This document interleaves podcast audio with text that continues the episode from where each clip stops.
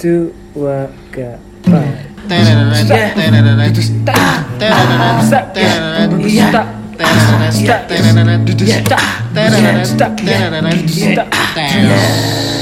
Selamat datang di podcast kemarin sore.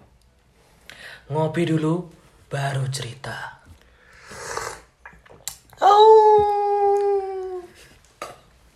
Ya, pada kesempatan kali ini kita nggak bisa ngomong kenceng-kenceng, soalnya hari ini kita ada di malam Jumat. Astagfirullahaladzim. astagfirullah. Astagfirullah. Ya, sebelumnya kita pasang backsound dulu ya biar Oke. biar lebih nge-vibe gitu. Iya. Iya. Nanti diedit. Oke. Ya jadi di uh, podcast malam hari ini kita kedatangan tamu jauh tidak dari Malang, asalnya dari Trenggalek, namanya Narendra Atma Pradana. Namanya bagus sekali. Ya. Silakan perkenalan dulu. Halo semuanya. Halo. Ya, perkenalkan saya Atma, Narendra Atma dari Trenggalek. Terus golongan darah Golongan darah. Oh, nanti yang butuh transfusi silahkan hubungi nomor di bawah. Oke. Halo horor horor horor. Baru guys, horor. Horor, horor. Ya, udah, udah, ya. Five five horor. Oke. Gimana Narendra? Sudah perkenalannya? Sudah. Oh cukup cukup. Oke terima kasih. Ah ngomong-ngomong nih ya, karena kon- eh, tema kali ini horor. Wih, untuk Mas Gale aja gitu bilangnya Mas Gale aja ya. biar Iya, ya, karena asalnya Panggilan Trenggalek. sayang Setuju. lah. Disamarkan namanya ya. Oh iya. Sama kan. Padahal udah disebut tadi di awal. Untuk Mas Gale nih, kira-kira percaya nggak sih sama yang namanya makhluk halus? Wih. Hmm, kalau dari saya percaya. Kenapa kok bisa percaya? Apa yang membuat Anda percaya mengenai makhluk-makhluk yang tidak terlihat ini? Eh, mungkin dari aku aku sendiri sih apa ya bilangnya ya ya salah emang dari dulu sih mengimani dan percaya halal gaib Iman. iya Berasaskan iman kan iman. artinya percaya Oh, Waduh, cukup berat sekali jawabannya. apakah ada bukti-bukti atau pengalaman pribadi nih tentang uh, bertemu makhluk halus, mendengar, merasakan? Ada nggak? dibisikin. Waduh. Kalau- kalau dari aku sendiri sih sebenarnya secara fisik baik dari apa visual ataupun pendengaran itu apa ya kayak nggak terlalu peka atau bahkan mungkin nggak bisa melihat dalam bentuk fisik Tapi? tetapi kalau eh, rasa mungkin ya adalah dikit-dikit peka pas apa gitu merinding gitu, Kayaknya semua orang pasti ada lah Pasti satu atau merasakan. dua kali Iya, pernah betul. merasakan kehadiran mereka yang tidak terlihat ini. Makhluk-makhluk lucu gitu. Astagfirullah. Gak lucu-lucu Nggak juga. lucu sekali. Kalau pengalaman horornya, apakah mungkin bisa diceritakan? Apa yang pernah dirasakan? Katanya tadi pernah merasakan kan? Iya. Kalau lihat, dengar jarang atau bahkan belum pernah kan? Iya. Kalau pengalaman horor sih sebenarnya sering sih mas. Waduh, dalam sering. dalam arti cuma sebatas sekelebat sekelebat aja. Iya. Di hampir di semua tempat dari di rumah di dulu pernah juga asrama pernah cuma sekelebat sekelebat aja di rumah yang kita sedang tempati podcast ini juga pernah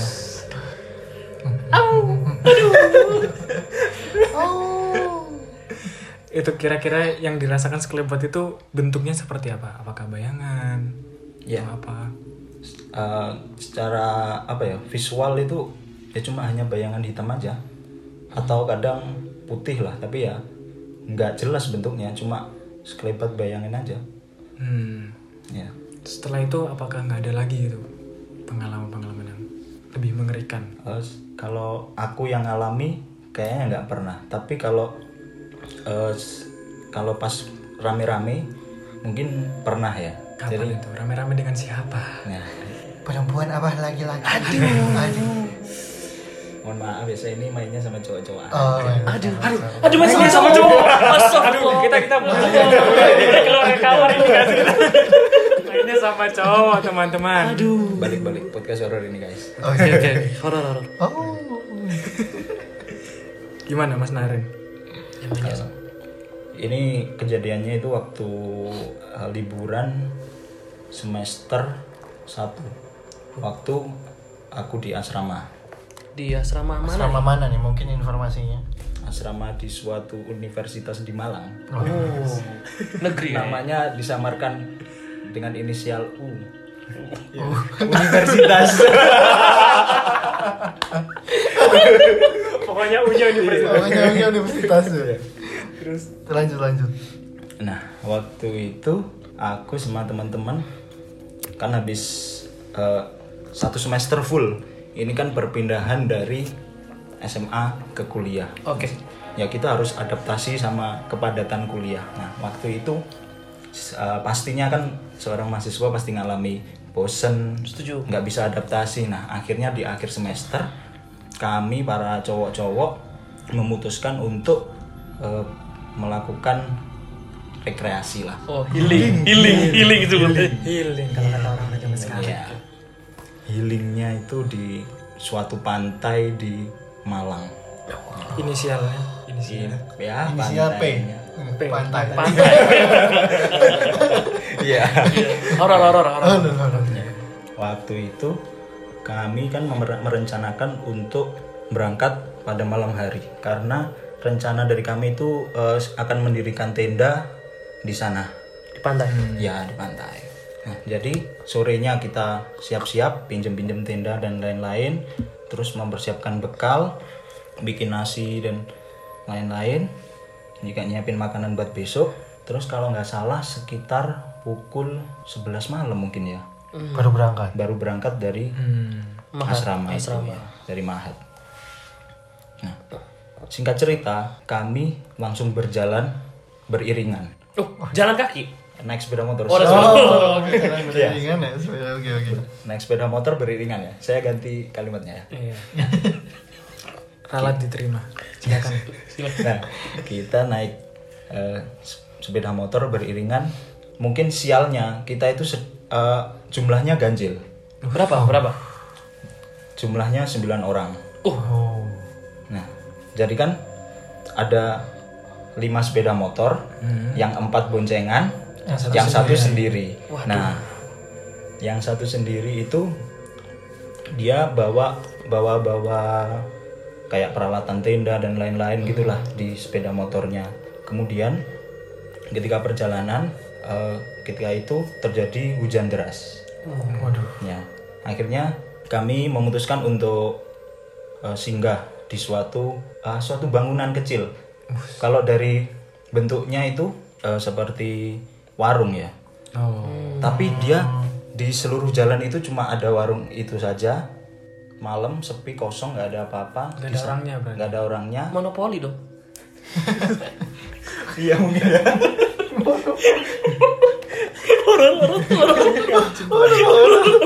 Horor lanjut lanjut. Iya.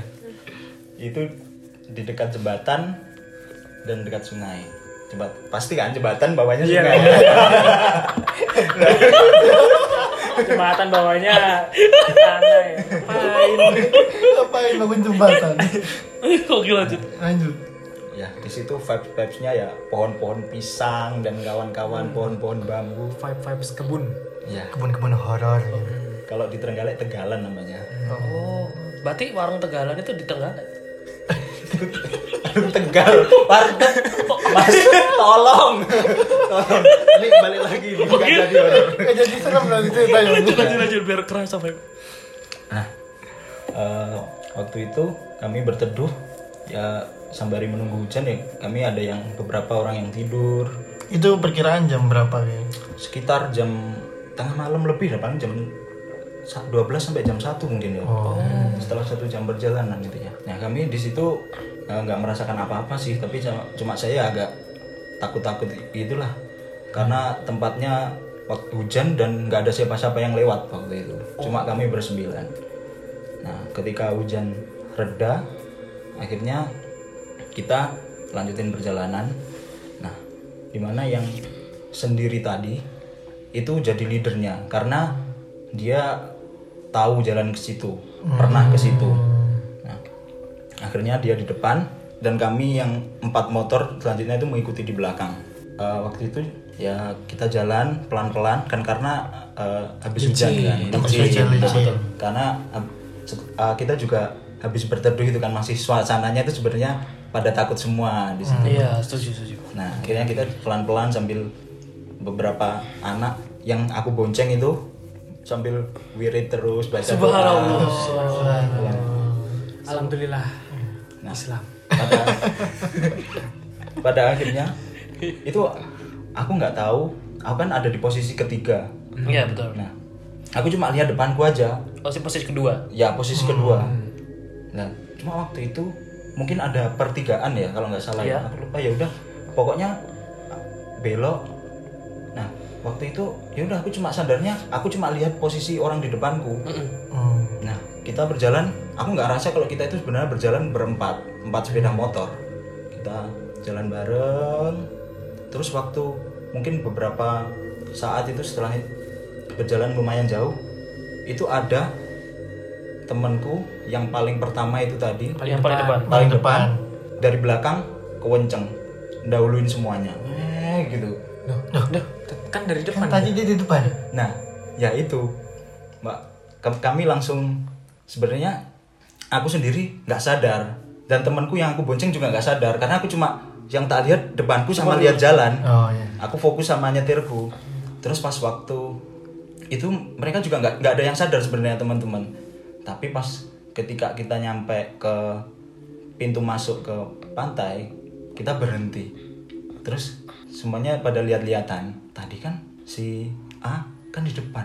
Tapi kok tiba-tiba dari belakang kenceng dari anu dahulu kita semua gitu.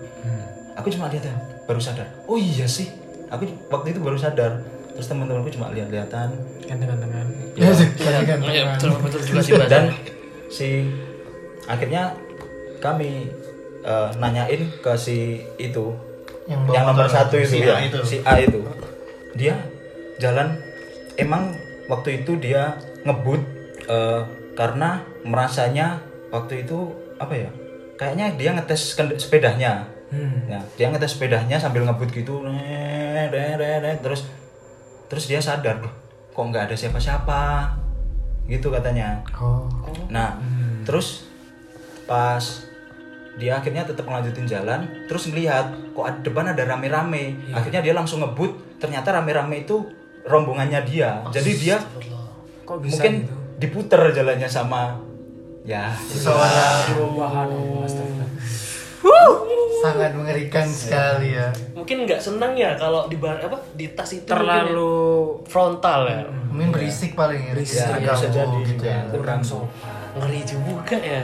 Terus ngomong-ngomong juga nggak cuma Mas Narendra nih katanya punya cerita horor. Kayaknya Mas Tio pernah deh waktu itu mau cerita. Aduh, aduh. Waduh. Mungkin dikit aja. Cerita yang mana ini? Mau dengan cerita yang mana ini? Aduh, yang horor yang sumpah. paling ngeri. Yang paling ngeri sejauh ini sih ada satu kejadian. Ini sebulan terakhir ini Aduh. kemarin.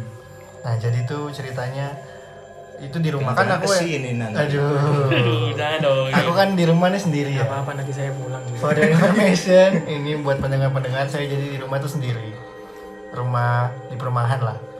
Nah, waktu itu ceritanya habis dari rumah Mas Andi itu sekitar jam jam 10 jam 11-an ya, San? Iya, betul. Sekitar jam segitu terus aku pulang. Pulang nggak bisa tidur. Nggak bisa tidur sampai jam sekitar jam 1 apa jam 2 gitu kan. Akhirnya tuh maksa tidur kan. Maksa tidur, tidur sebentar, terus tiba-tiba ngerasa tindihan. Buat yang nggak tahu nih kayak ketindihan gitu loh, ketindihan Sleep sama- paralysis. Iya, Iya, bahasa bahasa paralysis, saintifiknya ya. gitu. kayak gitu kalau saintifiknya tindihan kan terus kalau tindihan tuh biasanya sensasinya tuh kayak kita tuh kayak ngomong tapi nggak bisa ngeluarin suaranya Iya, betul. gitu nah terus juga ngerasa kayak berat gitu loh badannya nah kayak gitu. Terus kebangun habis itu udah tuh nggak ada apa-apa. Tidur lagi karena kebetulan juga aku nih udah lumayan kebiasaan gitu kalau tindihan-tindihan gitu. Terus habis itu tidur lagi kan tidur lagi karena cuek aja. Terus tidur kedua nah tiba eh belum ding waktu itu tidur kedua tindihan lagi. Nah, makin gak beres kan ngerasa gak beres karena ya masa berulang-ulang gitu. Itu yakin gak ada orang yang. Ya itu siapa? Sandi yang mau menindih dari rumahnya datang Siapa tahu. Sini aku siapa pencet. kan? Sini aku tindih. Ya gitu. Gila, jam satu. back to topic ya. Nah habis itu yang tidur kedua ganti posisi lah. Ganti posisi ke samping kiri. Ganti posisi udah gak lama tuh tindihan lagi.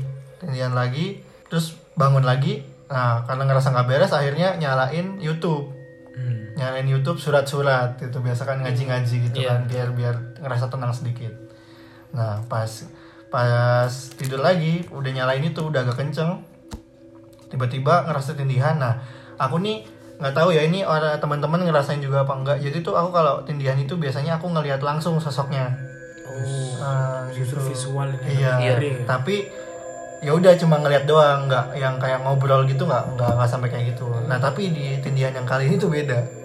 Nah jadi pas tindihan eh pas tidur yang ketiga itu tiba-tiba kayak kayak aku tuh kayak posisinya kayak melek. Cuma itu merem cuma itu tidur. Tiba-tiba ada yang duduk di atas kasurku di pojok. Itu bentuknya tuh orang pakai jilbab. Ibu kayak ibu-ibu gitu. Ibu-ibu pakai jilbab. Terus dia ngomong eh, gimana ya bahasanya tuh kayak gini. Mas nggak usah macem-macem. Nggak usah nyalain itu kenceng-kenceng. Aku bisa ngikutin suratnya katanya.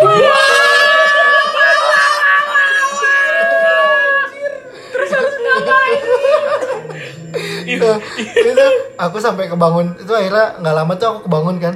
Aku kebangun. Itu panik banget. Nggak tahu harus ngapain. Akhirnya ayo sini saya sama aku mah nggak nggak kepikiran kayak gitu sih. Karena udah panik banget kan udah ngerasa takut. Itu pertama kalinya kayak gitu. Karena sebelum sebelumnya tuh nggak pernah yang kayak sampai orangnya itu apa sih makhluknya itu ngomong gitu nggak pernah. Nah, itu pertama kalinya terus aku panik kan. Aku panik akhirnya melek tuh lihat YouTube lihat pokoknya buka-buka sosmed gitu-gitu sampai berapa sampai sekitar 20 menitan. Terus tidur lagi dengan posisi si surat ini aku aku kayak nekat gitu kayak nekat aku kencengin aku fullin volumenya baru aku tidur nah setelah itu sih kayaknya itu cuma ancaman aja sih apa gimana tapi setelah itu udah nggak ada lagi sih Emang disuruh tidur. iya Ibarat are you challenge me? ternyata dia hafal 30 Manusia saja kamu. Terus Gitu sih, ngomong-ngomong, eh, kalau dari kalian ada gak sih makhluk halus yang paling kalian takuti? Kalau dari aku dulu ya, dari Ya. aku sendiri mungkin eh, karena nggak pernah lihat, nggak pernah apa-apa juga.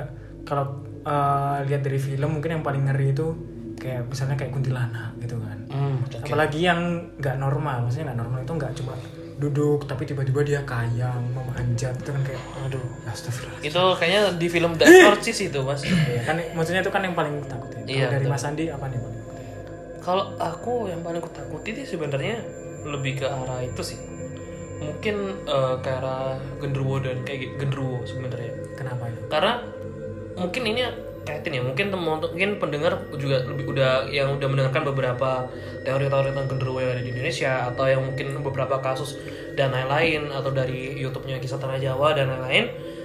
Karena gimana ya, rata-rata yang paling sering mengu- mengusik dalam hal yang seperti menyerupai orang masuk ke rumah dan kayak gitu kan mungkin dari salah satu ras tersebut dan yang kayak misalnya dalam artian kadang beberapa beberapa kasus kayak nyerupai suami orang agar bisa bro mohon maaf kayak berhubungan dan kayak gitu gitu kan dengan istri orang kan dia yang kayak beberapa kasus yang berhubungan langsung dengan manusia langsung gitu loh. Jadi yang, yang sulit kita bedain mana manusia normal sama ma- mana yang jadi-jadian. Oh jadinya Mas Andi takut dikentu sama kendaraan. Bukan. Dalam artian kayak dalam artian kayak ya gimana sih kayak, kayak mungkin kalau kita tahu makhluk halus ya, makhluk halus pada dasarnya kayak menghantui atau meneror dan seperti itu kan. Tapi kan tapi kan kalau yang bisa menyerupai dan mengganggu kehidupan aktivitas sehari-hari kita atau mengancam istri istri kita dan Oh, lain-lain mengancam istri kan ya kita takut kan. Ya itu yang saya takutkan. Masa gimana lahir bayinya mohon maaf kayak genderuwo kan gitu. Ya waktu bilang menjali kan. di luar nikah jadinya Di luar alam itu mas. oh iya Metaverse. konsep multiverse itu oh iya. Terus kalau Mas Gale apa ini? kalau aku sendiri sih dari kecil ya mungkin takut sama yang orang sebut biasanya Candyman itu Oh, Candy Ghost. ya Hmm. Hmm. ya walaupun nggak pernah melihat sih tapi kalau lihat di TV TV itu kayaknya nggak mau deh kalau ngelihat langsung gitu Hmm, ya. Karena emang perawaannya aja yang ngeri Ya. gitu. Dari visual berarti takutnya. Soalnya kalau kita misalnya telah lebih dalam tuh katanya aku ngikut kata Om Hawo yang dari itu tanah kisah tanah Jawa kayak gitu gitu masih banyak jenisnya loh kayak, kayak apa candy candy candy ghost itu ada berbagai jenis kayak kuntilanak sendiri tuh dideskripsikan berdasarkan beberapa variasi warna dengan warna merah itu yang lebih anu lebih apa lebih agresif mungkin karena dendam apa apa kayak gitu gitu kalau kita telah lebih dalam Ada jenis-jenisnya sendiri. ada jenis-jenisnya betul Kalau Mas Tio, Kalau aku sih kayaknya lebih serem kalau si hantunya itu nyamar jadi manusia nggak sih? nah itu oh, betul betul bukannya itu justru malah kita nggak tahu kalau itu Tapi malah lebih real gitu nggak sih? nah jadi inget menyamar tiba-tiba ada orang di Iya, rumah gitu ya. Tiba-tiba ikut gitu. Ingat gak yang dulu yang sempat ada thread yang horor di mana mereka tuh kuliah nih. Hmm. Oh. Ada do- Dosen. dosennya itu loh. Oh, Dosen dia ikut kuliah. Dan dosennya ada ngajar apa-apa gitu. Terus dia sebagai ketua tuh baru di chat bahwa kuliah tuh nggak jadi. Hmm. Sedangkan si dosen itu udah datang. Udah datang, udah di ruangan. kasihan mahasiswanya udah datang ya. Kalau nggak salah mahasiswa itu dia nyebar kan teman Ngechatin dia teman-temannya. ngechat teman ini, ini ini dosen kita atau bukan gitu terus terus yang dosen itu bilang ngapain kalian nggak apa-apa pak ini udah apa habis Udah malam. udah malam apa Bilangnya gitu tuh nah udah kayak gitu malam. Ah, Terus akhirnya keluar semua. Hmm. Terus tinggal ketua kelasnya aja Nah. akhirnya ngadep ke dosennya itu. Mm-mm. Sama dosennya ditanya, sudah malam atau apa sudah sudah tahu? merinding Merinding aku Sumpah lagi. kayak langsung tutup poin bertemu gitu loh Ya Allah. gila Dan sih setelah itu perkuliahannya diliburkan beberapa hari kata. anjir Kalau denger emang cerita-cerita dari orang-orang itu emang ngeri-ngeri ya. iya setuju setuju betul betul Terus ngomong-ngomong cerita nih, uh, kan kita juga sering tuh kalau nonton film horor gitu. wah Terus pernah nggak sih kita kalau habis nonton film horor itu ngerasa rumah itu makin gelap, Nah. tiba-tiba suram, betul betul muncul Dingin. sugesti-sugesti haram yang Iya. sugesti sugesti Sugesti itunya ya itu yang bikin Gimana kalau dari Mas Narendra ini gimana nih? Kalau habis nonton film horor, rasanya itu ada nggak sugesti-sugesti gitu? iya pasti ada dan apa ya kayak kita membayangkan eh, hantunya itu jadi ada di dekat kita gitu jadi lebih bisa tervisualisasi contohnya mungkin kalau kita ngelihat hantu di filmnya itu di rumah makan di ruang makan kita di rumah kita jadi kayak gitu juga aku membayangkan kalau di ruang makanku ada sosok itu juga Hmm. maka dari itu aku tidak mau nonton film horor Awalnya pemberani lama-lama tiba-tiba jadi penakut gitu. Iya. Nonton film. tapi memang mengerikan loh vibe kayak gitu kayak menurut gue ya yang paling agak takutin tuh sebenarnya cuma ada dua film yang menurut gue yang takut mungkin dari paranormal activity yang series yang dulu-dulu itu sama yang kalau dari Indonesia tuh yang masih mengerikan keramat Oh. itu gila sih kayak Kayak rekaman gitu ya. iya Iya. nah kan kalau di keramat itu kan ada yang bawa vibe nya horror banget itu kan sebenarnya kayak alat musik gamelan Hmm. Nah, kan Gale punya gamelan. Nah, ini gimana? Masa gak ada kisah-kisahnya tuh, Iya. vibe-vibe-nya gitu. ya sebenarnya sekarang dengerin langsung maksudnya tanda kutip nggak ada yang mainin itu bunyi Iya. sendiri nggak pernah Nggak sih pernah. ya dia jadi alat gamelan semestinya kalau nggak dibunyikan ya diem Hmm, gitu ya. ya selama ini mungkin sudah bertahun-tahun ya kayaknya di rumah si di rumah aku ada gamelan ya nggak ada masalah apa-apa sih selama ini Itu jangan-jangan alhamdulillah habis kita ceritain terjadi sugesti. Waduh. itu yang bahaya. Kong. tung tak tung tung tiba-tiba kan. Oh, tambah ngeri juga loh kayak gitu-gitu loh.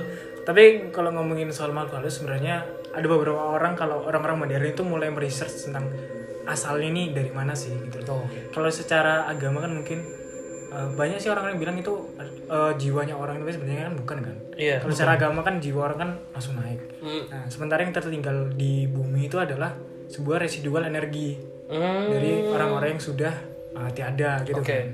Nah, terus bentuknya dari makhluk halus sendiri sebenarnya kalau dari jurnal-jurnal yang pernah dibaca itu bentuknya itu hanyalah sebuah gumpalan energi yang absurd sebenarnya. Hmm. jadi sama lah kayak atom ada proton elektron neutron segala macam makanya dibilang makhluk halus nah karena dia eh, emang nggak kelihatan secara visual gitu terus bisa mungkin bisa nembus bisa melakukan hal-hal yang mungkin eh, tidak bisa dilakukan oleh manusia, Manusia. orang-orang yang 3D gitu lah benar-benar 3D karena mereka kalau dibilang itu dimensinya beda daripada kita gitu. Oh.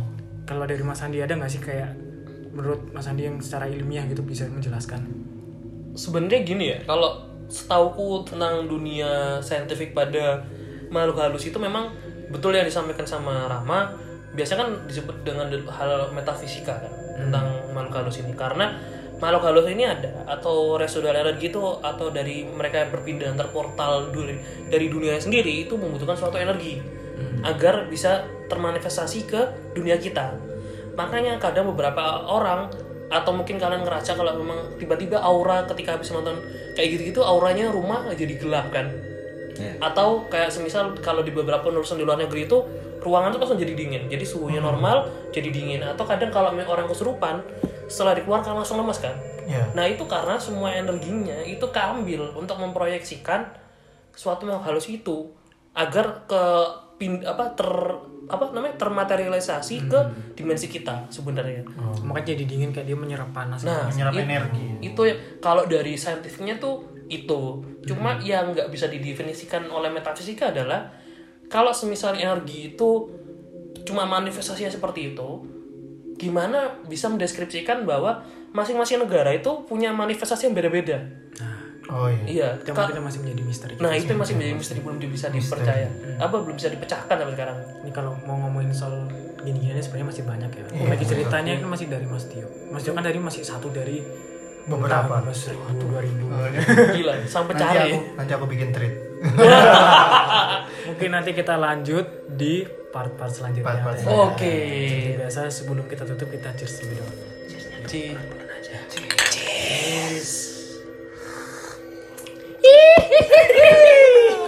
tet, tet, tet, tet.